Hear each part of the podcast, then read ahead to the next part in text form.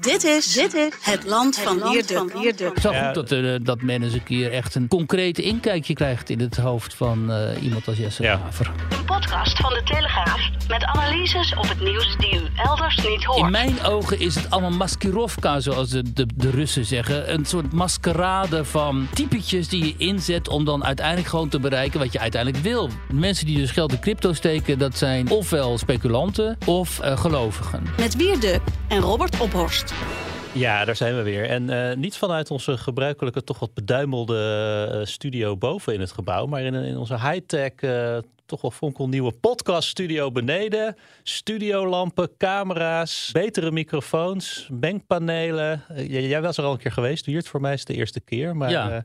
Het indrukwekkend. Ik zie je ook helemaal als een soort klein kind in de snoepwinkel. Ja, maar jij bent natuurlijk ook geboren voor de spotlights, dus die, Oh, nou, camera's en die dat studiolampen, dat, daar voel je als een vis in het water. Ja, nee, maar we zijn, de- los dat het hier ongeveer 30 graden is, maar we zijn blij met eh, deze studio. Hè? En hopelijk ehm, komt hij dan ook eens een keer eh, met beeld online. Ja, dat is wel de bedoeling. Dat Dat wordt is- in ieder geval eh ja. gefilmd. Ja, dat is voor, voor jou een grote wens, toch? Nou, ik vind podcasts waar je ook de mensen ziet praten altijd wel leuker dan eh, alleen maar luisteren. Eh, dan zie je ook hoe, het, hoe die dynamiek in zo'n studio is en zo. Dus eh, ja, dat vind ik. Ik denk dat het voor, dat voor veel mensen geldt. Behalve dan voor de mensen die onze podcast luisteren als ze aan het hardlopen zijn. En dat zijn er heel veel. Dat zijn heel veel, want we hebben ontzettend sportieve luisteraars. Ja, ja kennelijk. Nee, het is, eh, het is indrukwekkend. Ja, het is mooi. Maar ehm, laten we beginnen, want er is genoeg gebeurd. En, eh, ja, even bij woensdag dan toch maar. Hè. We nemen dit op op donderdag, dus dat was voor ons gisteren. Maar een, een ongenadige draai om de oren. Dat kregen het kabinet en coalitiepartijen van eh, Johan Remkes... bij de presentatie van zijn eh, stikstofadvies. In, de, in die presentatie van een uur liet de Groningse puinruimer... eigenlijk geen spaanhil van de aanpak eh, van politiek Den Haag in de stikstofcrisis. De boeren zijn de dupe geworden van een coalitie die grossiert in verzuimen, zwabberen en afschuiven. En er was na afloop dan ook eh, nodige tevredenheid in de agrarische sector over eh, dat gedeelte van Remkes analyse. Maar volgens Jesse Klaver hebben de boeren dan het uiteindelijke rapport nog niet goed gelezen. Want na een interview eh, zei hij, terwijl de camera nog even doorliep, er dit over. Als jullie dit allemaal prima vinden, eh, Ja. ja, oké, steek eromheen zou ik zeggen als. Ja. Niet tot 14 oktober wachten. Nu iedereen enthousiast is, zou ik eh, een extra minister gaan doen. En morgen Ja. advies eh, eh, aftikken en eh, gaan. ja, want nu wordt het weer, eh, wat is het, uh, anderhalve week Dat is uitgesteld. veel te lang. En dan gaat iedereen er weer naar Ja. kijken. En dan gaan er weer protesten komen, denk ik. Als ze echt zien wat erin staat. Ja, strik eromheen als kabinet, aftikken en gaan met dat advies. Want als de boeren, boeren echt zien wat erin staat, komen er weer protesten. Want alles waar ze tegen zijn, dat blijft. Ja, nou, is- dat is is misschien- zie je het ongeveer het democratisch tekort van de, de Nederlandse politiek. Hè? Het heeft me ook verbijsterd, moet ik zeggen, dat er dan nog mensen zijn die Jesse gaan verdedigen. Zo van ja, hij zegt toch niks anders dan wat hij normaal gesproken zegt. Namelijk dat dit een prima eh, rapport is en eh, dat we hiermee verder moeten. Terwijl wat hij daar eigenlijk zegt is: eh, ga niet te veel nog het democratische proces in. Want stel je voor dat de boeren erachter komen dat het alleen maar retoriek is die is veranderd. Hè? Die, die, die, die retoriek van Remkes, waarin de boeren enorm worden gepleased en zo. Ehm, maar dat er feitelijk voor hen helemaal niets eh, verandert. Eh, dat is wat hij zegt. En dan zegt hij: laat het dan, als ik het kabinet was, dan zou ik het zo snel mogelijk doorheen drukken. voordat die boeren zo slim zijn om dat rapport te gaan lezen. En er ook daadwerkelijk achter komen dat er voor hen niks verandert. Ja, dat is eh, zo typerend natuurlijk voor. Misschien voor hem, maar misschien waarschijnlijk voor hoe politiek functioneert. En hoe opportunistisch dat allemaal eh, daar en eh, ook eh, eh, cynisch het eraan toe gaat eh, Ja. daar in Den Haag. Zo Ja, goed dat, dat men eens een keer echt een concreet inkijkje kijkt, eh, krijgt in het hoofd van eh, iemand als Jesse Ja. Klaver. Ja, Remkes had natuurlijk net daarvoor omstandig uitgelegd dat het kabinet in een normale dialoog moet met de sectoren en de manier waarop er over het platteland wordt gepraat. Nou, een mooie dat, dialoog. dat wordt als een steen des aanstoots ervaren. Dus ja, als, als je dan zo inderdaad over, eh, over de boeren praat van het snel doorheen jassen, want anders, eh, anders moeten we weer met ze om tafel. Ja, dat geeft natuurlijk inderdaad het tegenovergestelde signaal van wat, van wat Remkes nou eigenlijk aanbeveelt. Maar Kijk, er is nu rond dit hele dis, uh, de dossier is een soort uh, verhaal op gang gekomen ook dat uh, Den Haag beter moet luisteren naar naar de regio's. Hè? En dat heet dan de kloof tussen stad en platteland. Althans tussen Randstad en platteland. Zo wordt het dan vereenvoudigd. En uh, Remkes die geeft het kabinet aan de veeg uit de pan. Zo van eigenlijk zijn jullie een Randstadkabinet. Heb je helemaal geen oog voor het bredere ongenoegen daar in die regio's. Het geldt niet alleen maar het uitkopen of het uh, onteigenen van de boeren. Maar het geldt die plattelandscultuur die al heel lang onder vuur ligt. Hè? Want er zijn geen postbussen meer. Er zijn geen scholen meer. Er zijn geen winkeltjes meer. Er zijn geen... Uh, geen bushaltes meer, enzovoort, enzovoort. Geen bankfilialen, geldautomaten. En dat is een geleidelijk aan opgebouwd ongenoegen daar in die regio's. En de uh, grote katalysator nu van die woede daar is dan de onteigening eventuele onteigening of in ieder geval uitkopen van die boeren. En tot voor kort was het eigenlijk helemaal geen, geen, uh, geen ja, geen, geen item. Hè. Wij schreven er natuurlijk heel veel over. Ik heb er heel veel over geschreven. Mensen als Caspar van den Berg en anderen. Die analyseren dat als die, hè, de hoogleraar uh, die gaat die hierover, die, die dit probleem um, onderzoekt. Je hebt nog wel meer mensen. Eh, Karel Smouter, die voor NSC of correspondent werkt, meen ik. Schrijft er ook veel over. En zo. Dus een aantal mensen heeft hier uh, veel over gepubliceerd en over gepraat. En ook wel boeken over geschreven. Maar het leek nooit echt door te dringen in die cocon daar in Den Haag. En als je dan kijkt naar de samenstelling van de Tweede Kamer, bijvoorbeeld het kabinet, die mensen wonen ook allemaal in de Randstad, weet je wel. Er is heel weinig vertegenwoordiging vanuit echte haarvaten van die regio's. Wat vroeger wel anders was, hè. Ja, die Martijn van Helvoort bijvoorbeeld, die uh, hield in Limburg, meen ik, of Brabant, waar hij vandaan komt, hield hij op vrijdagmiddag gewoon spreekuur in een café. En Ger Koopmans, dat soort types, die waren natuurlijk gepokt en gemazeld in die regio. Uh, nou, die heb je tegenwoordig veel minder. En dan, het, het, en het probleem met dit kabinet is vooral geworden dat D66 zo groot is geworden onder Sigrid Kaag. Inmiddels niet meer, maar destijds wel, na de verkiezingen. En dat er een aantal van die mensen in de fractie enorm grote mond hebben gekregen en grote broek hebben aangetrokken. En eigenlijk een soort van cultuuroorlog zijn begonnen met, die, met het platteland. Daar komt het op neer. Hè?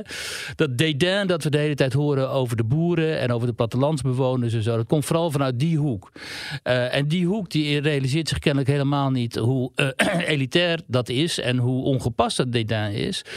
En um, maar omdat ze daarin zijn gaan blijven volharden. Hè? Iemand als Tjeerd de Groot van D66, die destijds zei: ja, die, die, die koeien. Uh, de veestapel moet worden gehalveerd. De veestapel moet gehalveerd. Dat, dat zegt hij, geloof ik. Be, volgens mij, volgens mij zegt hij nog steeds. nou, wordt hij wakker. Volgens mij mag hij. en zegt hij het. En gaat hij, dan gaat hij nog een keer mee naar bed. Ja, ja, ja. Van de... Nee, maar als je dat dan constateert, hè, en, of Remkes constateert dat ook, die, die probeert dan de, de hele politieke spiegel voor te houden. Ja.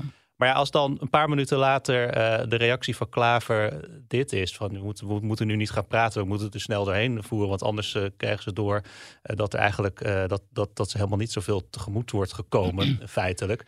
En Tjeerd de Groot, die kreeg ook nog een sneer van Remkes. Niet, ja. werd niet met naam genoemd. Dat maar, moet stoppen met dat halveren van die VE-staat. Ja, dat werd wel als een, als, een, als een kwalijke uitspraak of een, een, uitspraak genoemd die totaal niet helpt. en het beruchte kaartje, hè, waarop op, ook op Vlieland de enorme stikstof hoeveelheden werden geposteerd, terwijl er helemaal geen vee rondloopt en zo. Um, maar goed, de Groot, die, uh, die, die, die, was ook niet echt uh, van zins om uh, enige, een, enige reflectie te tonen, volgens mij, in de afloop toen hij daarna gevraagd werd. Dus het is, het is, iedereen, iedereen leek heel erg tevreden met het, met het, met het advies. Maar ik bespeurde weinig, ja, een beetje de deemoedigheid in de afloop. Nou, omdat hij er volgens mij ook helemaal niet is. Kijk, Remkes is ingehuurd om hier het werk te doen. Dat zei Jeroen Pauwgis ook heel goed overigens bij op één, meen ik. Om hier het werk te doen van Mark Rutte. Wat Mark Rutte niet kan, die kan niet communiceren. Dat is de grote communicator, maar hij kan niet communiceren op menselijk niveau, zeg maar. En dat had natuurlijk gemoeten met die boeren. Dat lukt hem dan niet. En je ziet dan ook Rutte bijvoorbeeld. dan is Rutte in het aardbevingsgebied, dat is een ander verhaal. Maar aardbevingsgebied en dan gaat hij naar zijn gezin toe. En die gaan dan enorm tegen hem klagen over wat ze allemaal hebben meegemaakt maar dan blijkt dat het foute gezin te zijn. Dan zeggen, oh sorry, ik moet bij iemand anders zeggen. Ik ga weg, nou doe je, weet je wel. En dan staan die mensen helemaal beteuterd en zo. Dat, dat is Mark Rutte. Die heeft dus zijn kunstje voor een bepaalde uh, context. En daar gaat hij dan heel veel praten en zo. Maar je voelt nooit dat er echt een soort van doorleeftijd in zit. En, dan, uh, en daarom, daarom had het dan Remkes ingehuurd. Kijk, dat is natuurlijk allemaal in mijn ogen is het allemaal maskirovka, zoals de, de, de Russen zeggen. Een soort maskerade van typetjes die je inzet om dan uiteindelijk gewoon te bereiken wat je uiteindelijk wil. Wat nu ook gebeurt. En wat Jesse Klaver dus letterlijk zegt. Dan denken ze, weet je wat, we huren Remkes in. Dat is uh, een, min of meer ook een boer uit Groningen. Hè, die heeft een vet Gronings accent en zo. Ik al even nadoen. En zo, zo praat het daar. Ik kom er ook vandaan. Ik dacht even en, dat het voor me had. Maar, uh, en, uh, en ja, precies. En, dus die praat dan met zo'n Groningen 2 en zo. En dan, dan denken mensen, oh kijk, um, hem kunnen we wel vertrouwen. Want hij, hij, hij is een van ons of zo. Hè? Um, en, en de mensen die hem inzetten, die weten dat natuurlijk. Renkens zelf weet dat ook natuurlijk. En dan uh, komt hij met een rapport waarin gewoon ook 500 of 600 van die piekbelasters gewoon moeten worden uitgekocht en zo. Snel ook. En heel snel zelfs. En, want er moet gebouwd worden. Er wordt nu ook letterlijk gezegd. Wat wij hier de hele tijd al zeiden. Ja, die boeren moeten weg omdat er gebouwd moet worden. En het, ze zeggen het nu letterlijk ook. Anders kunnen we niet bouwen. En waarom moeten we bouwen? Omdat er zo'n enorme bevolkingsexplosie is. Waarom is er zo'n bevolkingsexplosie? Omdat de immigratie veel te hoog is. Allemaal één op één op één. Maar dat hoor je niet. Je hoort alleen maar van de toon van Remkes... die dan met het, uh, die plattelandsbewoners... Uh, quasi in gesprek gaat en heel veel empathie koestert en zo. Voor de boeren ook. En dan in de hoop dat dan die boeren uiteindelijk uh, overstag zullen gaan. En nu heeft die harde kern van de boeren al gezegd: doen we niet. Uh, maar ja, dit is Nederland, dus de rest zal overstag gaan. Want uiteindelijk uh, is dit een land, zelfs ten tijde van grote polarisatie zoals nu, wordt uiteindelijk door alle partijen toch de consensus gezocht. Omdat mensen kunnen niet leven in Nederland met dit soort grote verschillen en grote twisten onderling. Dat, dat verdragen ze niet. Uiteindelijk, dat zie je ook. De enorme agressie waarmee werd gereageerd op die omgekeerde vlaggen bijvoorbeeld. Hè. Mensen verdragen niet het symbool van verzet te zien in Nederland. In plaats van dat, dat ze dat toejuichen, zoals in andere landen, Zuid-Amerika of zo. Is dat in Nederland wordt het direct bedreig, uh, ervaren als een bedreiging. Dat zit gewoon in, ons DNA. Omdat in dat, hè, dat is wel een leuke theorie, in het DNA zit dat we nu eenmaal samen met z'n allen op dat kleine stukje land uh, tot uh, consensus moeten komen. En vooral over consensus tegenover concrete bedreigingen, zoals de natuur, de zee en zo.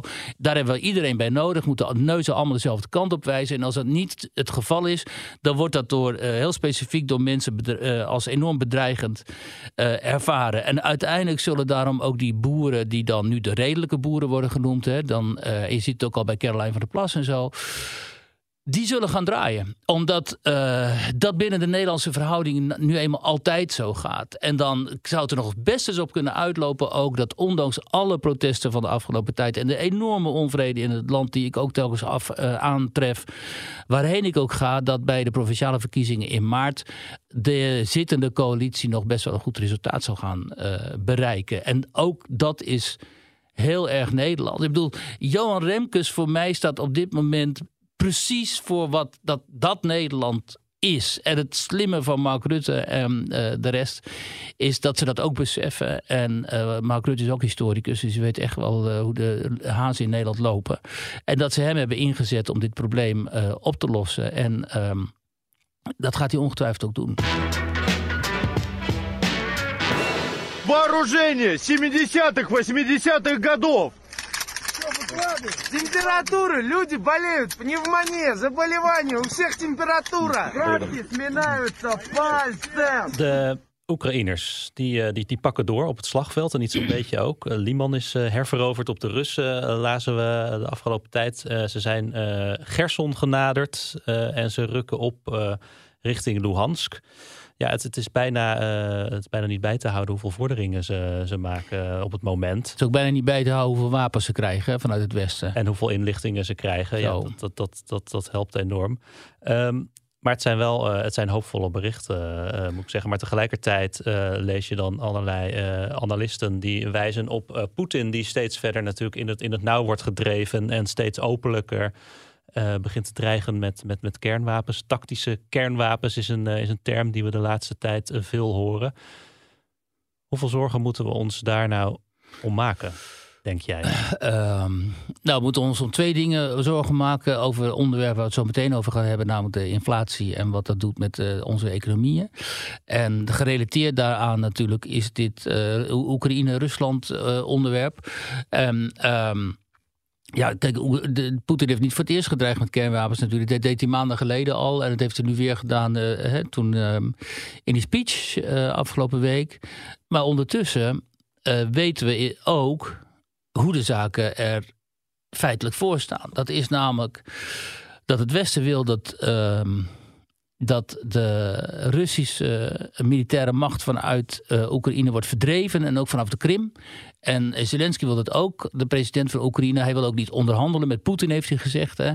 Als er onderhandelingen komen, dan wil hij dat met een andere president dan eh, Poetin. Ehm, de Oekraïners maken inderdaad vorderingen op het slagveld. Maar het is nou ook weer niet zo dat ze eh duizelingwekkende vorderingen maken. En ze zeggen zelf ook: willen wij werkelijk de Russen verslaan, dan hebben we nog veel meer zware wapens nodig. En ook wapens die bijvoorbeeld achter het Russische front eh, eh, kunnen raken. En die krijgen ze nog niet. En waar ze heel veel aan gehad hebben, is aan die antitank eh, wapens. die met enorme precisie daar. ehm, kunnen raken. En ook die, eh, die wapens die dan munitiedepots en zo kunnen uitschakelen. Omdat de Russen dan eh, veel meer moeite hebben om hun aanvoerlijnen te, te, te bestendigen. En om eh, dus eh, spullen naar het front te brengen. Dus daar hebben ze heel veel aan gehad. Ehm, maar goed, ze, zij zeggen ook, ja, willen we dit echt winnen, dan hebben we nog meer zware wapens nodig. Nou, daar, Biden met name, die aarzelt daarin. Eh, en de Duitsers en de Fransen natuurlijk sowieso ook. Ehm, zo, of dat gaat gebeuren, weten we niet. Dus, maar wat heel interessant is nu, denk ik, is dat eh, waar wij hier ook al vaker voor gewaarschuwd hebben, is dat, dat, je, dat het zo kan zijn dat onder deze druk eh, Rusland in eh, chaos geraakt. En nu zie je allemaal van die beelden van Russische solda- soldaten die bijna aan het muiten zijn en zo. Hè? Van die beelden bij zo'n trein. En, ehm, eh, dan, en die jongens die dan zeggen: jongens, we hebben Kalashnikovs uit de jaren 70, 80. We hebben geen munitie, want dat geven ze ons pas aan het front. Want dat is ook zo. Die Russen zijn bang dat die jongens dan gaan schieten en eh, gaan muiten. Eh, we hebben uh, longontsteking. Die- Zo'n jongen liet ook een ther- thermometer zien met boven 38 graden. Zo, misschien hebben ze wel COVID. Kan ook, weet je wel. Weet je niet, ze zullen niet getest worden. Eh, we zijn hartstikke ziek en we hebben geen voedsel. Voedsel moeten we zelf kopen. Dus het is één grote puinhoop. Dus waar, waar iedereen voor gewaarschuwd had bij die mo- mobilisatie van de reservisten... dat het uit zou lopen op een puinhoop. Dat is natuurlijk zo. Want zo gaat het altijd in, in eh, Rusland. Ehm, en die beelden, moet ik zeggen, eh, vind ik wel echt fascinerend. Omdat ze heel erg doen denken. En eh, dat, dat, daar eh, wees Pieter Waterdrinker op Twitter ook op. Aan beelden die we kennen van 1905 en 1917. Toen ook militairen begonnen te Ter muiten. Waterdruk, oud-Rusland-correspondent van, eh, van Ja, voor onze krant. Ja, precies. Ja. En romancier. Ja, met, eh, zeer, zeer succesvol romanschrijver. En met veel historisch besef en zo. En nou, je kunt die beelden één op één. Als je beelden uit, uit die begin 20e eeuw van muitende Russische soldaten ziet. eh, die dan zijn dan weliswaar zwart-wit en ze dragen meer andere snoren en zo en andere kledij. Maar je kunt ze eigenlijk één op één leggen naast die beelden die we nu zien. En Poetin ziet het ook. En ondertussen zag ik ook bijvoorbeeld dat zo her en der ook die etnische groepen eh, zich aan het organiseren zijn. Ik zag een vrouwencomité uit bijvoorbeeld. eh, de, eh, de vrije vrouwen uit Burjatië dat zich meldt en zo. Nou, de Tsjetsjenen melden zich natuurlijk altijd. Dus, ehm, en ook las ik ergens... ehm, dat eh, een Amerikaanse denktank, in, in van een Amerikaanse denktank, dat toejuicht dat Rusland aan het verkruim, mis, mogelijk aan het verkruimelen raakt. En dat vind ik dus de blinde vlek van de Amerikanen, of het is kwaadaardigheid van de Amerikanen, dat zij denken dat het een goed idee is als Rusland in elkaar stort. En als die regio's van Rusland een soort van hun eigen weg gaan. Dus als Burjatië, het kan best zijn hè, dat Burjatië of Jakutië op een gegeven moment zegt, van, ja, wij, wij, wij vormen nu een autonome republiek binnen Rusland. Of dat Jakutië zegt, weet je wat, eh, eh, we gaan ons afscheiden, we noemen ons eh, de Jakutische Onafhankelijke Republiek. Of dat Siberië, weet, dat, men, dat een soort Siberisch volksfront eh, wordt georganiseerd. Of dat die Caucasiërs natuurlijk daar op de Noord-Caucasus, Tatarstan is altijd ingewikkeld. Dat is toch ook de nachtmerrie van Poetin? Dat is natuurlijk Poetins nachtmerrie. Dat was al de nachtmerrie van Stalin. Eh, die dictator, die communistische dictator, die heeft dus al die etnische groepen destijds eh, zo gemanipuleerd en zelfs eh, de hele volkstammen gewoon gedeporteerd. De Tsjetsjenen in Ingusheim bijvoorbeeld, die zijn tijdens de Tweede Wereldoorlog gedeporteerd naar Kazachstan. Omdat hij, want daar bevinden die, zich, die olievelden waar die Duitsers zich op richten. En Stalin die vertrouwde hen niet Want de Tsjetsjenen, Caucasiërs zijn altijd opstandig.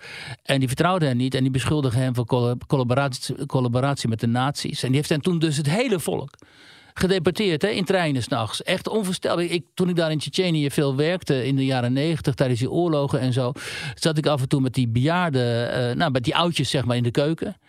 En eh, ja, dat was echt ge- geweldig interessant hoor. Daar waren die, die, die strijders, ze gingen met hun zoons. En dan zat ik met hun ouders en grootouders in de keuken. En dan vertelden ze dus over de deportatie. We hadden ze gewoon meegemaakt hè, als kind dan. Of misschien niet eens als kind, weet je wel. Het was destijds 50 jaar geleden. Hè. En, eh, en ze vertelden dan hoe ze dan in Kazachstan waren opgegroeid.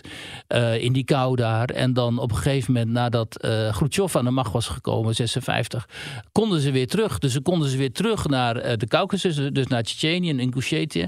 En daar zaten ehm, Russen in hun huizen.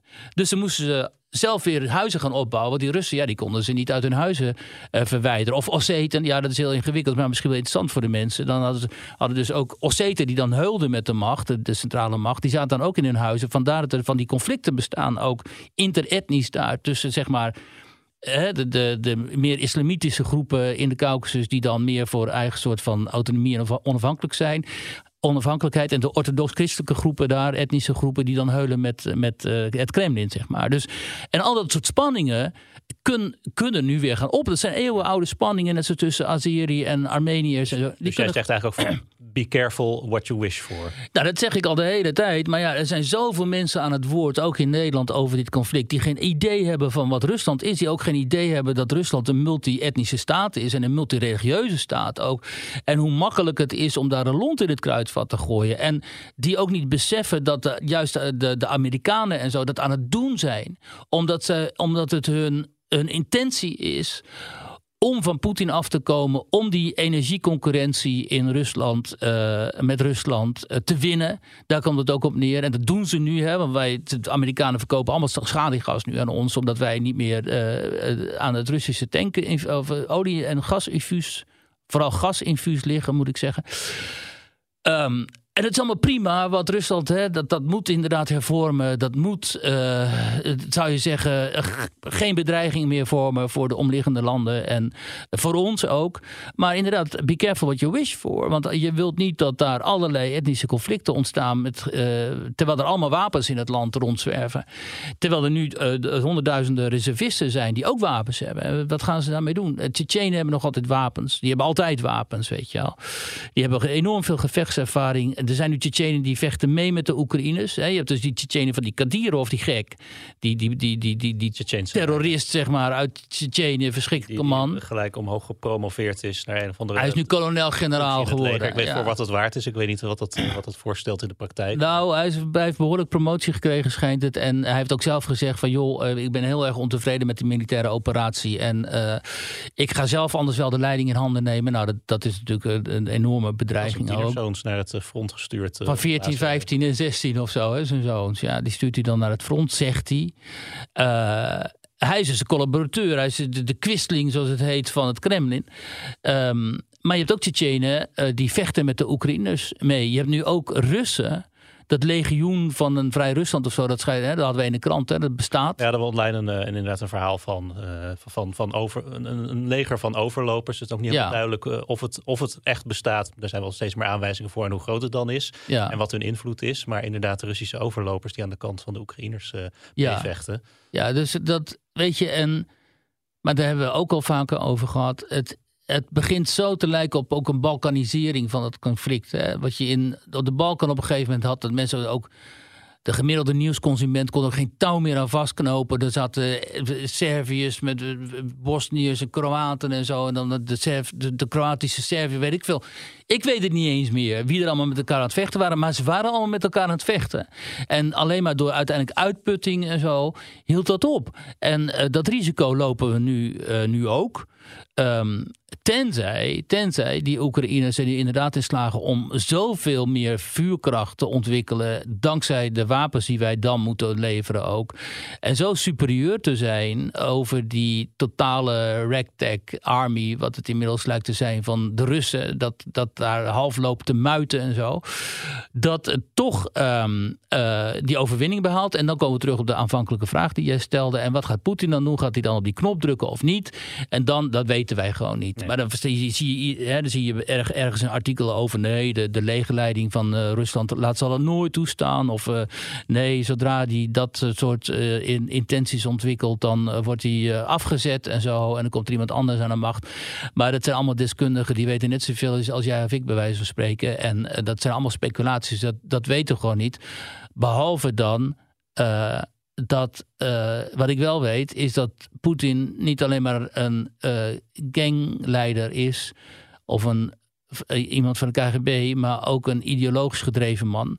Die op het moment dat zijn missie, en het is namelijk het herstel van de, Sovjet, van de Russische invloed binnen de Sovjetgrenzen, oude Sovjetgrenzen, als die missie mislukt en hij ziet die missie, die missie gesaboteerd vooral door Amerika, wat voor hen inmiddels ook de Satan is. Hè? Net zoals dat mhm. Amerika voor Noord-Korea de Satan is. En voor heel veel mensen in het Midden-Oosten ook trouwens. Israël de kleine Satan en eh, Amerika de grote Satan, zo kijken ze ernaar. Um, als dan die missie gesaboteerd wordt, ja, dan kan me toch wel uh, iets bij voorstellen dat hij zegt: Oké, ik druk toch maar op een, uh, op een knop. Ook omdat hij eigenlijk nooit bluft. En hij heeft ook letterlijk gezegd: Ja, ik bluff niet. Dus ja, we moeten hem eh, letterlijk nemen op zijn woorden. Nou, dan zijn we behoorlijk. Uh, dan is de inflatie ons minste probleem, geloof ik. Ja, ik zei aan het begin van het, het zijn hoopvolle berichten over die opmars van Oekraïne. Uh, niet iedereen vindt dat kennelijk. Laten we even horen wat Baudet daarover zei. We leven natuurlijk in een onvrije samenleving. We leven in een, in een, onder een regime dat nu echt bezig is om de teugels aan te draaien. En daarom dat ik zo enthousiast ben over wat Rusland doet in Oekraïne. Dat is het meest hoopvolle wat ik in mijn leven heb meegemaakt. Dat is, er is nu een front geopend tegen de globalisten. Ja, ja, ja, ja ik, vond... ik had het nog niet zo. Ik had hem alleen in de Kamer gehoord. En, maar dit had ik nog niet gehoord. Maar daar valt toch wel echt je mond helemaal van open. Ja, wat ik wil vragen. Jij hebt Baudet eigenlijk al jaren gevolgd. Hè? Ja. Je was er ook bij toen hij in, in, in, in, in, in de kelders op de Herengracht... de eerste renaissanceavonden hield. Ja. Uh, dus jij, jij, jij, jij kent de man een beetje, maar is hij nou heel erg veranderd? Is dit iemand die echt gelooft uh, wat hij hier zegt? Of is het iemand die gewoon gelooft dat zijn achterban dit wil horen? Is hij, is hij gek geworden? Nou, ik denk dat hij dit echt uh, nu inmiddels denkt, ja. En kijk, destijds, toen was ik gewoon freelancer en ik hield me met Rusland bezig. En uh, toen kwam ik daar wel eens wat vertellen over Rusland bijvoorbeeld. Toen was het nog een denktank, hè. En uh, Baudet wist niet zoveel van Rusland. Ook geografisch niet waar alles precies lag en zo. En, maar vervolgens heeft hij zich daar toch wel in vastgebeten. Toen uh, rond dat referendum en zo. Ook in Nederland met Oekraïne. En nu zie je dat hij dus totaal verstrikt is geraakt in een soort konijnenhol. Waarin Poetin geldt als de redder van het conservatieve Westen. En de redder van het uh, orthodoxe christendom. En uh, de, de, de grote vijand van het unipolaire denken, zoals dat dan wordt voorgestaan door de, zou worden voorgestaan door de Verenigde Staten en uh, NATO en nou ja, Europese Unie en World Economic Forum, dat komt er ook altijd bij kijken natuurlijk. Uh, en, en dan projecteert hij dus zijn afkeer van die moderne ontwikkelingen in het Westen projecteert hij op eh, Poetin. En Poetin zou dan niet alleen uh, de Russische wereld, de Ruski Mir, maar de hele conservatieve westerse beschaving ook beschermen tegen dat soort decadente invloeden. Daar komt het op neer. Hè? Um, maar dan ga je dus volstrekt, dat is totaal illusionaire wereld. Dan ga je dus volstrekt voorbij aan wie Poetin is en wat het regime is. En dat zal ik nog even herhalen hier, omdat ik krijg ook vaak voor de voeten geworpen dat ik een Poetin-lover zou zijn. En zolang, kijk, zolang iemand interesseert me dat niet meer. Maar het is wel totaal ergelijk, want wij, wij waren daar. Hè. Uh, ik werkte daar toen Poetin aan de macht kwam. En het was volstrekt begrijpelijk waarom hij aan de macht kwam. Omdat Rusland totaal in chaos was. Wat destijds in Rusland gebeurde, afscheidsbewegingen, oorlog in Tsjetsjenië, noem maar op en zo. Dat was een eh, eh, enorm bedreigende sfeer voor de eh, inwoners. De mensen waren totaal verpauperd geraakt. Er waren criminelen aan de macht gekomen voor een deel. In de, vooral die hadden de, de industrieën overgenomen, de economie hadden die in handen. En toen kwam Poetin als vertegenwoordiger van het enige instituut dat eigenlijk nog werkte, namelijk de FSB, de KGB. En die stelde dus heel hardhandig op het orde op zaken. Maar vergeet niet hoe. Dat begon dus met, eh, eh, met bomaanslagen op uh, appartementencomplexen in Moskou en elders. Waarvan later bleek dat dat niet Tsjetsjenen waren. Want die kregen de schuld zodat Poetin die, die, die oorlog kon beginnen daar in Tsjetsjenië. Maar dat, waren, dat is waarschijnlijk de KGB zelf geweest. En ik heb dat nog samen met die Loorman de Viel waar we het vorige week over hadden. Die maar voor een man die toch gevoelig is voor complottheorieën en mensen die oh, van, van alles orchestreren, wat, wat ja. toch is. Ja. Dan moet je dit toch ook. Uh... Nou ja, hij gaat eraan voorbij. Kijk, en ik moet even de, nog wat meer feiten opzommen. Uh, en onder Poetin is natuurlijk de, die, dat, dat uh, en toen heeft hij dus heel hardhandig orde op zaken gesteld in de Caucasus, maar ook echt heel hardhandig. En vervolgens is er in die twintig jaar van zijn regime een ontwikkeling geweest naar een steeds autoritairder regime, ook steeds crimineler eigenlijk. En waarin niet meer die oligarchen uit de begintijd uh, de economie en de industrie in handen hadden, maar zijn eigen vriendjes. Dus uh, hij heeft zijn vrienden uit Petersburg beheersen nu voor een groot deel dat, het Russische kapitaal, zeg maar. Dus het is intens uh, corrupt. Uh, het, daar wordt geregeerd met criminele middelen. heeft niks met een democratische rechtsstaat te maken. De media zijn onderdrukt. De, uiteindelijk zijn nagenoeg alle media, zeg maar, kaltgesteld, zoals de Duitsers zeggen. Dus dit is een heel erg onvrij regime. Dat zich van een autoritair regime heeft ontwikkeld tot inmiddels een soort dictatuur. Nog niet helemaal een dictatuur zoals Noord-Korea en zo. Want je ziet nog steeds mensen die zich wel uitspreken en zo. Maar het is dan sporadisch geworden. Hè? Het was een autoritair regime waaronder mensen als Dirk Sauer, die daar is binnengelopen, multimiljonair geworden, kon functioneren met zijn media-empire en mediarijken. Moet je ook niet vergeten. Al die mensen die altijd tegen mij zeggen: je loopt achter Poetin aan. Wie is daar nou rijk geworden precies dan? En wie zit, welke mensen zitten in Nederland aan talkshowtafels ook over die verschrikkelijke Poetin te praten terwijl ze zijn binnengelopen daar? Hè? Um, maar goed, dat is even mijn persoonlijke onvrede. Um, maar als je die ontwikkeling niet wilt zien. Kijk, um, heel veel mensen denken: ja, die Poetin was al een dictator. Nee, hij was een KGB'er die zich uiteindelijk zo heeft ontwikkeld. Tot nu, het moment waarop hij zich zozeer tegen het Westen heeft gekeerd. Uh, dat hij een gevaar is geworden voor ons. En als je dan als Thierry Baudet zegt: van dit is een hele hoopvolle ontwikkeling. Is hij aan de front? Ik bedoel, maar dat is absurd. Ja. Um, uh, ja, maar dat bedoel ik ook. Of, of is hij niet gek geworden? Ik bedoel, die hele analyse van uh, er is een kwalijke ontwikkeling van globalisten die uh, andere mensen hun, hun, hun, wil proberen op te leggen, om het zo maar even te zeggen, daar kan je nog voor een deel in meegaan. Maar als je dan, terwijl de lijken op straat liggen en, en mensen uh, hele honderdduizenden mensen op drift zijn geraakt, zegt het is het meest hoopvolle wat ik in mijn leven heb meegemaakt. Nou ja, het is ook heel kwalijk, omdat wat enorm ontbreekt in de analyse van dit conflict, dat is de objectiviteit. Namelijk, je kunt naar dit conflict kijken en zeggen: luister eens, het Westen en Oekraïne, en vooral de nationalistische elementen in Oekraïne, dus de ultranationalistische elementen in Oekraïne, die rechts en soms extreem rechts zijn die wij nu steunen, want die steunen wij nu letterlijk, hè, die hebben ook een belangrijke rol gespeeld in het ontstaan van dit conflict. conflict. Hadden wij niet zorgvuldiger om moeten gaan met al die waarschuwingen die Poetin ons deed toekomen toen hij nog min of meer verreden vatbaar was. En toen er met hem ook gewoon gasdeals en zo werden gesloten. Hè? En met hem en met die Medvedev, die beroemde foto waarop je ook Mark Rutte en Angela Merkel en zo ziet staan, dat ze daar die Nord Stream uh, met uh, Medvedev, ik meen in 2011 en zo, uh, afspraken daarover maken. We waren gewoon met dat regime in, in gesprek.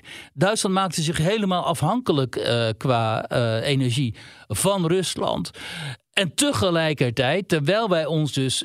Dat vind ik ook zo ergelijk altijd. Terwijl wij ons dus helemaal afhankelijk maakten van dit regime qua energie. Dus vertrouwen hadden in dit regime, kennelijk. Dat, het ons, dat, dat we uiteindelijk niet in deze situatie zouden komen. Zaten, wacht even, zaten we ook te pushen. altijd, hè? dat werd altijd gezegd. Ja, zaten we dus ook te pushen dat uh, Oekraïne bij de. Uh, en het was een no-go area voor Poetin. Dat Oekraïne bij de Europese Unie zou komen. En dat uh, Oekraïne en Georgië uiteindelijk bij de NAVO zouden komen. Dat is toch geen strategie? Hoe kun je nou aan de ene kant afhankelijk maken van Poetin en vervolgens hem permanent op zijn tenen gaan staan? Dan moet je ofwel je niet afhankelijk maken en op zijn tenen gaan staan, of je moet je afhankelijk maken en denken, nou, het komt wel goed. Maar dan moet je niet tegelijkertijd ook nog eens een keer een, gaan schoppen. Want dat kan natuurlijk niet. En dat is wat we gedaan hebben. En uh, hè, mensen als Hand en Broeke en zo, als die, dat oud-VVD-lid, Kamerlid, die dan uh, Buitenlandse Zaken deed, die zit mij hier steeds op aan te vallen ook dat dit niet klopt. Maar het klopt wel. En dus wij zijn strategisch zijn we daar onwijs uh, geweest. Dat zou Baudet moeten zeggen.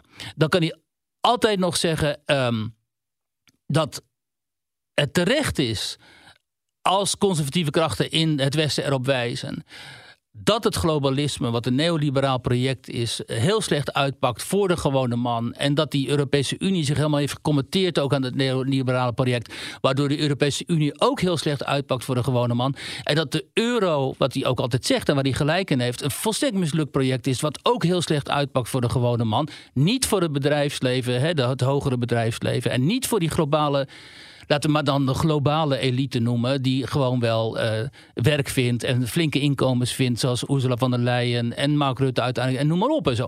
Maar die gewone man, in wat ooit nazistaten waren, zoals Nederland en Frankrijk en Duitsland en zo, die leidt daar wel onder. Dat kun je ook zeggen zonder van uh, Vladimir Poetin een soort van rare uh, cultuurheld te maken, toch? Mooie vent, noemt hij hem toch af en toe.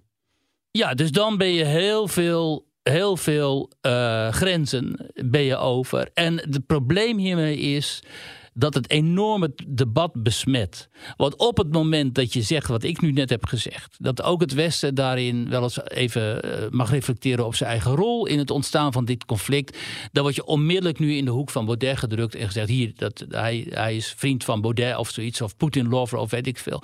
Net zoals dat uh, Geert Wilders, en dat is ook verwijtbaar, het debat over de islam heeft besmet door, uh, uh, door de islam zo te besmeuren. En uh, binnen nieuwkomers uit islamitische landen zo verdacht te maken dat zodra jij religiekritiek hebt en de islam noemt, dan ben je onmiddellijk islamofoob. Um, als je het debat op die manier gijzelt en vervolgens um, het taboe dat op bepaalde thema's rust alleen maar sterker maakt. In plaats van dat je het taboe eraf haalt. Want dat is natuurlijk de bedoeling. Dat je thema's detaboeiseert. Zodat je eindelijk een fatsoenlijk debat kunt krijgen. Zoals in de Frankrijk het geval is. En in Duitsland in zekere zin ook wel. In de Verenigde, maar Verenigde Staten weet ik op dit moment niet. Maar het is in Nederland onmogelijk. Omdat die onderwerpen altijd besmet raken. Doordat uh, rechts populisten, zeg maar, die korte tijd ook de hoop vertegenwoordigen van heel veel mensen. Er zo mee aan de haal gaan en zo radicaliseren dat links zegt: ja, zie je wel. Er valt niet mee te praten. Die luisteren gek. Kijk, die, die Baudet is een landverrader, want die vindt Poetin een held. Ja, dan houdt het op. Dan, uh, dan staat er weer een enorme muur. En dan kun je over de, de werkelijke thema's en over wat er gezegd zou moeten worden, uh, dat komt dan uh, niet meer aan de orde. En dan, dat komt dan in een podcast als die van ons aan de orde. maar niet aan de talkshowtafels natuurlijk. Want dan krijg je. ja, dat, kan niet. Dat, dat is dan gewoon no-go area geworden. En dat is natuurlijk in een tijd als um, nu met die oorlog die daar gaande is en alle consequenties daarvan en alle gevolgen die ook onze, onze burgers uh, treffen. Is dat niet alleen schrijnend, maar uh, misschien wel gevaarlijk, omdat het, uh, het, het uh, belemmert enorm de opinievorming bij heel veel mensen. Snap je? En Nederland is al zo'n hoogmoralistische samenleving. Dus Nederland is al een samenleving waarin mensen bijna niet, waarin bij, wat we eerder ook al zeiden, bijna niet afwijkende meningen verdragen. Ze zoeken naar consensus en in die consensus zit ook altijd heel veel moralisme en zo. Poetin is slecht en Poetin moet weg en zo. En als je dat dan zegt, krijg je heel veel applaus en zo. Dat is dan de analyse, weet je wel. Maar ja, en ik heb dat ook eerder gezegd een beetje opgegeven om daar nog uh, om te denken omdat dat, dat die muur is te slecht. En, want dat is. Uh, dat zit zo diep en het zit zo uh, ingekapseld ook bijvoorbeeld bij de publieke, niet alleen bij de publieke omroep, ook bij de commerciële en in bijna alle media en zo in de instituties, in de politiek. En dan is de enige eh, dissidente mening is dan een volstrekt abjecte eh, mening van Baudet. Ja, weet je, dan. dan ehm, altijd over Poetin, althans in Rusland. Ja, dan houdt het, ehm, dan houdt het op een duur eh, wel op, vrees ik. Waar was Wiert? Ja, waar was Wiert? Waar was Wiert? Je, was eigenlijk eh, overal deze week voor jouw eh, vaste rubriek. Want, Ja, eh, het, Tot en met Portugal. Maar dat was, dat was niet ja. fysiek. het ging namelijk over inflatie. En dat is iets wat ons momenteel allemaal raakt. Ja, de een wat, wat, wat harder dan de, dan de ander. Ja. Ehm, maar jij stak jouw licht eens op bij de mensen van... ja, uw geld wordt minder waard. eigenlijk waar je bij staat. Wat doe je er dan mee? Ja, omdat die inflatie nu zo hoog is, eh, ik meen 17% eh, afgelopen maand, eh, dan mensen die wat spaargeld hebben, die zien dat spaargeld natuurlijk heel snel verdampen.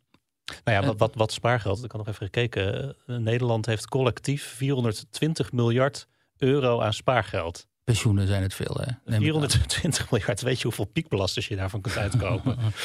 Ja, ja, met, met, ja. Maar wat, dan moet je wel even weten, dat weet ik niet, waaruit dat spaargeld dan zou eh, bestaan. Is het gewoon wat mensen op hun spaarrekening hebben staan? Of is dat, eh, zit het ook, hoeveel zit er in onze pensioenfondsen bijvoorbeeld? Eh, nou, ook, dat, dat moet ik even, dat moet ik even opzoeken. Ja, maar dan vertel ik even wat de bedoeling was. Kijk, er zijn natuurlijk heel veel mensen die hebben gewoon. Eh, in de eerste instantie heel veel mensen hebben helemaal geen spaargeld. Dus die zijn sowieso de klos, want die worden geconfronteerd met hogere prijzen, vooral levensmiddelen en energieprijzen. En die hebben helemaal geen potje om op terug te kunnen vallen. Dus dat is sowieso al een heel ernstige kwestie. Eh, maar je hebt ook mensen die hebben dan, weet ik veel, 10, 20, 50.000 euro aan spaargeld of zo. En dat zien ze nu heel snel verdampen. Dus die, de- dat hebben ze dan op de, op de spaarrekening staan. Ehm, en wat moeten die nou?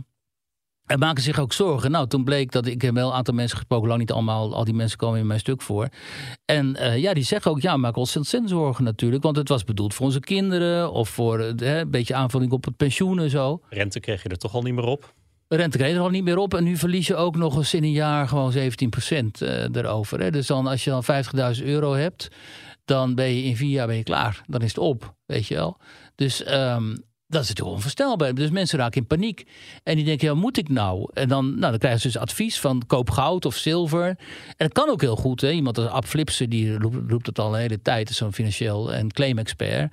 Die, heeft, eh, ehm, en eh, die roept altijd, koop dan maar gewoon eh, goud en zilver. En gooi het in een kluis, dat kan. Maar ja, heel veel mensen moeten dan psychologische grenzen over. Omdat ze denken, ja, maar ik wil ook snel over het geld kunnen beschikken als ik het nodig heb. En ja, dat kan niet als je, als je staaf goud in een kluis hebt liggen, bij wijze van spreken. Ook veel mensen gesproken die, die, die steken het dan in crypto. Denk van ja, goud lijkt me dan nog relatief waardevast. Maar als nou Ja. iets niet waardevast is, dan is het crypto. Ja, maar de mensen die dus geld in crypto steken, dat zijn echt ofwel speculanten of eh, gelovigen. En eh, hè, Jasper Quint, sprak ik en die gelooft er echt in. Dat is een, een, een Eh, student. uit Haarlem, geloof ik. Ja, docent geschiedenis uit Haarlem. En die eh, is al la- jarenlang met eh, crypto's bezig. En die heeft ook heel veel. Eh, stond op een gegeven moment 100% winst. En nu staat hij weer op 30% verlies en zo. Het was wel eerlijk om dat toe te geven. Ja, ja. En, eh, maar hij zegt, ja, ik blijf er gewoon in investeren maandelijks een beetje. Omdat ik denk dat eh, over een aantal jaren als ik ouder ben...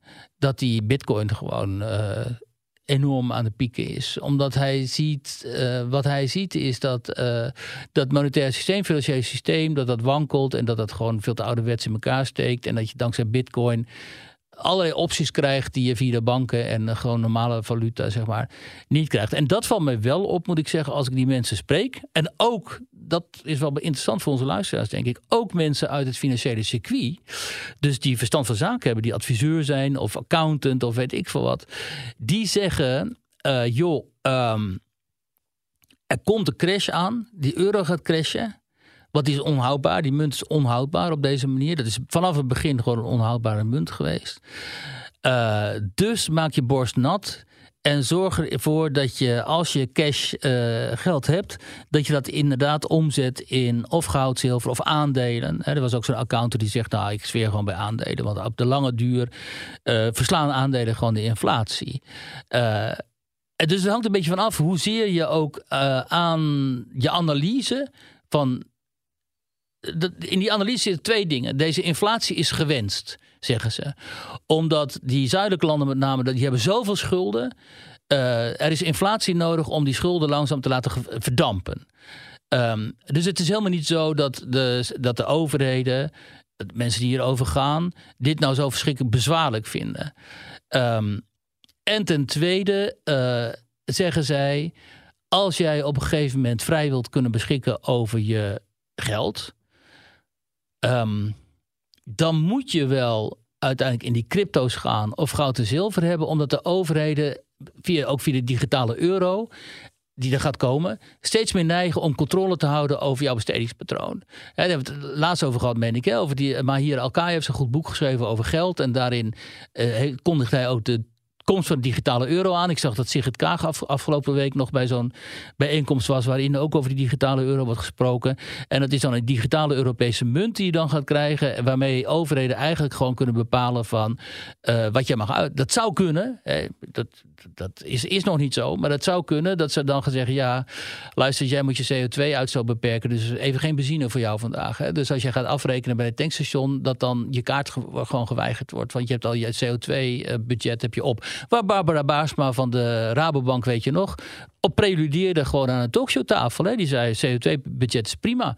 Kunnen we gaan, verhandelen. Dan kunnen de rijken kunnen het CO2-budget van de armen kopen. Dan kunnen die lekker vliegen. En die armen die kunnen verder verpauperen in die, in die akelige huisjes van hun.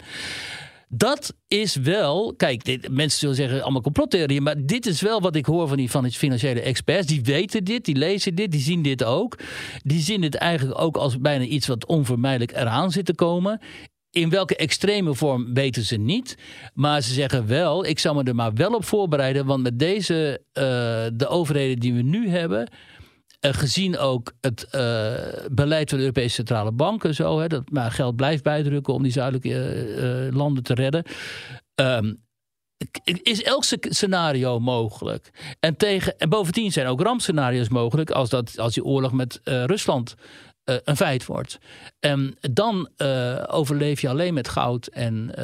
Maar en zilver. Heb je, ook, heb je ook niet zoveel crypto, lijkt me. Jawel, bitcoin wel. Omdat toen die oorlog begon dus...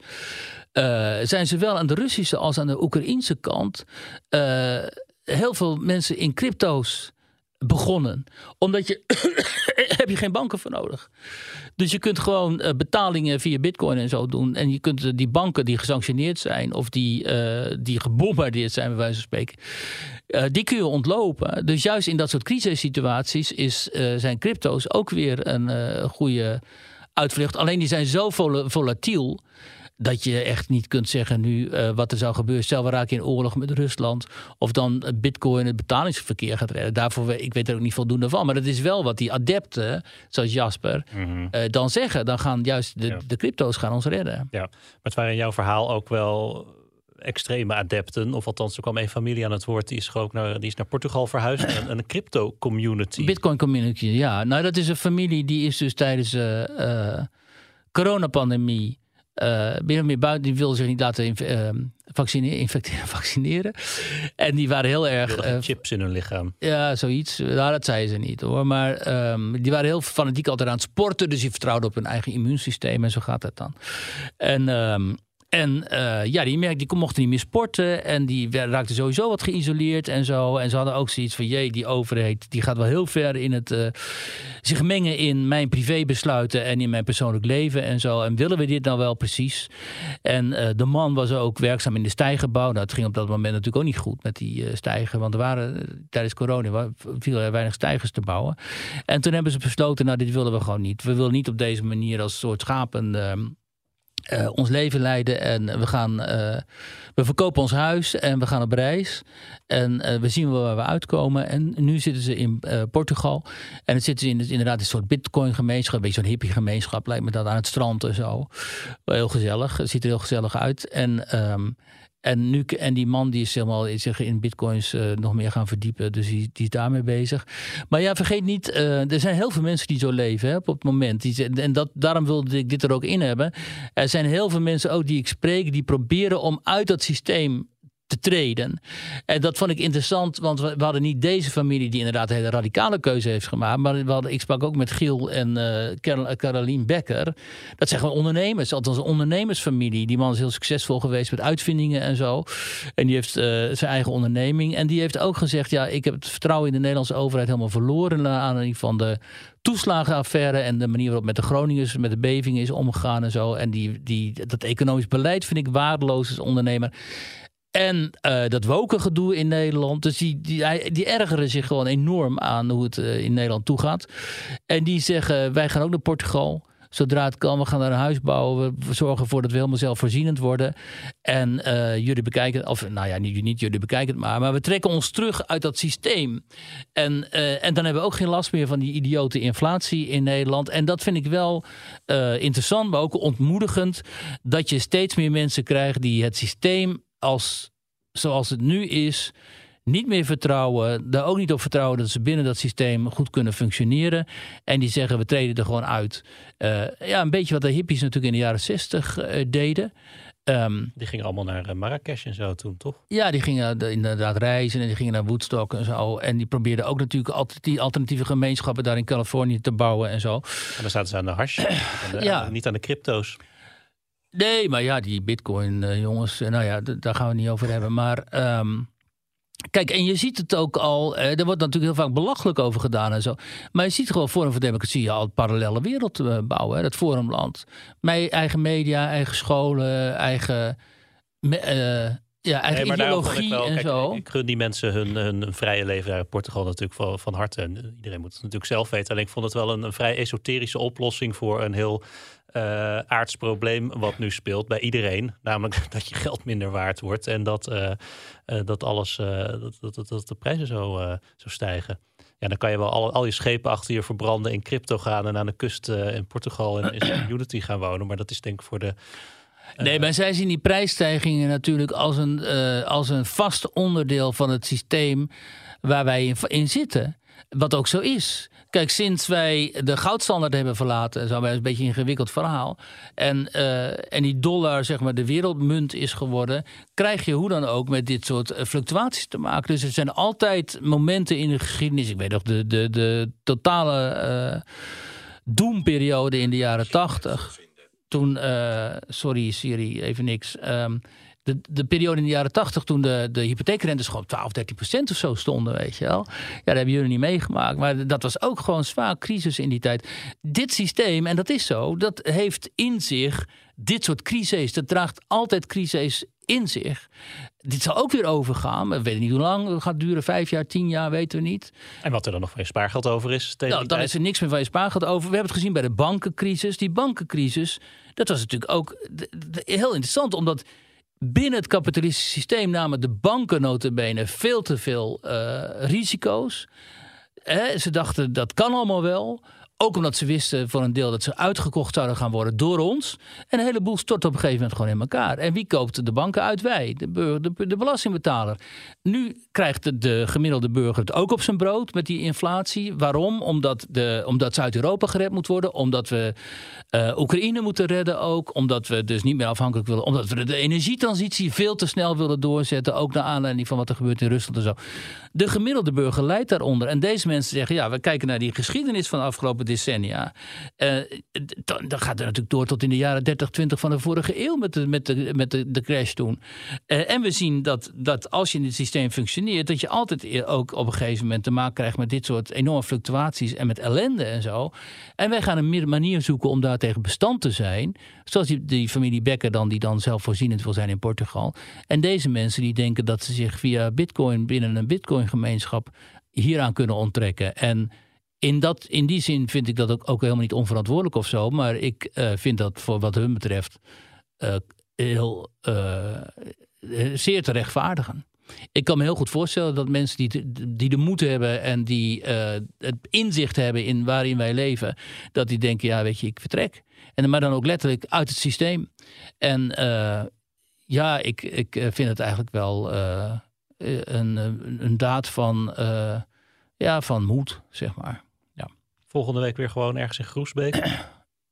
Eh, ja, of, eh, ja, of in, ergens in het oosten weet je geloof eigenlijk al wat je volgende week gaat doen? Hoe ver plan jij die eh, weken vooruit? Nee, die plan ik meestal op vrijdag en zo. En, maar ik zat te denken om, daar is, maar ik heb het nog niet helemaal goed begrepen, maar daar ergens in het oosten wordt, ehm, een eh, historische veldslag nagespeeld. En het is de grootste. Ja, onze, onze, onze verslaggever eh, Roy Klopper is er ook bij. Oh, die is daarbij. Ja, nou ja, dat soort dingen. Dus dat is. eh, oh, die gaat naar de echt. Want dat is daar in, bij Doetinchem in de buurt of zo. Is het ook alweer? Precieze details weet Ja, ik nog niet, maar ja. ik, ik dacht dat we wel een verslaggever Oh, oké. eh, Ja, nou, dan verzin ik wel wat anders. Maar daar sloeg ik op aan. Ik dacht, nou, misschien moet ik dat gaan doen. Maar goed, genoeg onderwerpen hoor. Dus, ehm, maar welk, dat weet ik nu nog niet. dan, dan horen wij dat volgende week hier, Wiert. Ik Yes. dank je hartelijk. Ja, jij ook bedankt. Dankjewel.